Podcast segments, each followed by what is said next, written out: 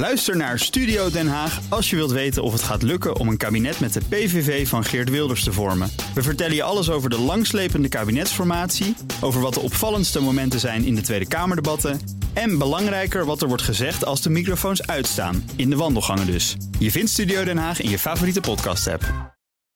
Dit is de Oekraïne Ochtend Update. Mijn naam is Geert-Jan Haan. En ik ben Bernard Hammelburg. We praten hierbij over de laatste ontwikkelingen in Oekraïne. En de gevolgen voor en de reacties van de buitenwereld. Je vindt deze podcast in je favoriete podcast-app. Zelensky is niet in eigen land vandaag, want die is aan de driedaagse top in Hiroshima begonnen met G7 en andere wereldleiders. Maar het is wel ontegenzeggelijk dag 450 van de oorlog in Oekraïne. Uh, ja, in Bagmoed wordt nog steeds druk gevochten. Daar zijn heen en weer allerlei schermutselingen en bewegingen en claimen alle partijen winst. Er zijn vannacht weer aanvallen geweest. Nou, kortom, er is een hoop te bespreken met onze eigen buitenlandcommentator Bernard Hamburg. Bernard, goedemorgen. Goedemorgen, Bas. Ja, allereerst even naar die G7-top. Zelensky is daar dus. Eerst zou hij virtueel aanwezig zijn. Wat wil het zeggen dat hij daar fysiek komt? Wat wil hij hebben? F-16's, Bas. Dat is wat hij wil. En er gebeurt iets interessants, omdat uh, de, de afgelopen dagen, uh, of weken, hoorden we steeds van eh, Biden houdt het tegen. Nederland was voor, Engeland was voor. Er zou een soort coalitie zijn gevormd voor de levering van F-16's. Waar Nederland ook aan zou meedoen. Dat heeft Rutte overigens ontkend. Maar goed, die berichten die gaan dan rond. En nou schrijft de New York Times. Uh, Biden voelt er nog steeds helemaal niets voor. Die gaat er niet aan beginnen. Maar CNN meldt zo even. Biden is door de knieën. Ja. Dus hij gaat het wel doen. Dus dat is reuze spannend. Nou, dat is voor uh, uh, Zelensky. Ja, dat is een van de belangrijkste dingen die hij wil bereiken nog. Mm -hmm.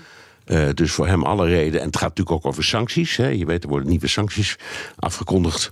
Uh, daar, daar, had je het ook al over uh, eerder in de uitzending. Hè. Die diamant, wat ja. overigens een, een, een, schande is en een wassen neus. Want ja, alleen Engeland. Engeland neemt bijna geen, geen uh, diamant af. Ja. Belang, de belangrijkste koper, althans ver, verhandelaar in Europa, is België. België, precies. Het gaat in totaal om 4 miljard export. Uh, India en België spelen de hoofdrol daarin. En uh, die doen niet mee. Dus ja, dit is een beetje een wassen neus. Maar goed, daar, daar komt Zelensky niet voor. Die komt gewoon voor vliegtuigen. Voor die vliegtuigen. Inderdaad, we, we hoorden dat op CNN. Hè, dat er bronnen rond het Witte Huis dit nu zeggen. Dat er geen bezwaar zou zijn. De Amerikanen niet zelf gaan leveren. Maar dat ze ons niet zullen verbieden om die toestellen te leveren. Ja, nou, dat is het truc. Hè. Er, zijn, er zijn bij elkaar, uh, ik geloof wel meer dan 100 F-16's in Europa. Waaronder de 48 Nederlandse.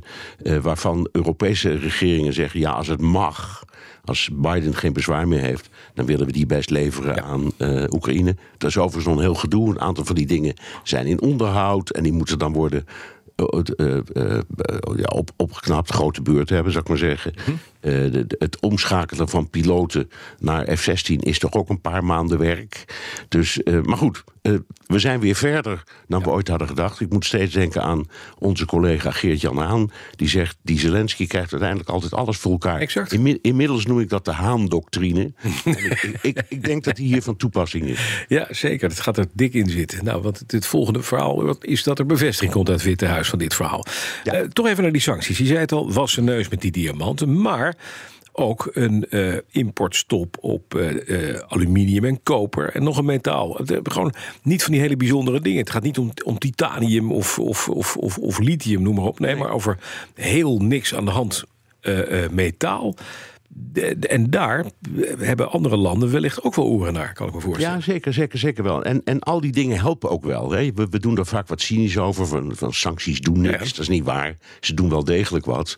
Uh, al is het alleen al het ontwrichten van de branche in bijvoorbeeld die metalen in, in Rusland. Dat, ja. is ook al een, dat is ook al een resultaat. En het gaat nu om een grote lijst. Er is een interessante discussie gaande, ook op de G7. Eh, Amerika wil een algeheel verbod op alle export uit uh, Rusland met een lijst uitzonderingen.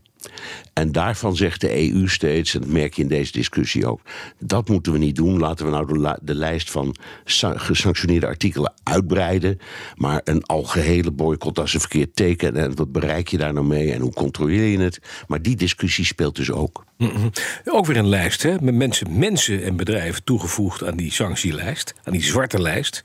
En dat was in eerste instantie altijd bedoeld om uh, Poetin op de knieën te krijgen. Want zijn, zijn omgeving, zijn directe vrienden, de mensen die financieel afhankelijk zijn van hem, die zouden we daarmee pakken.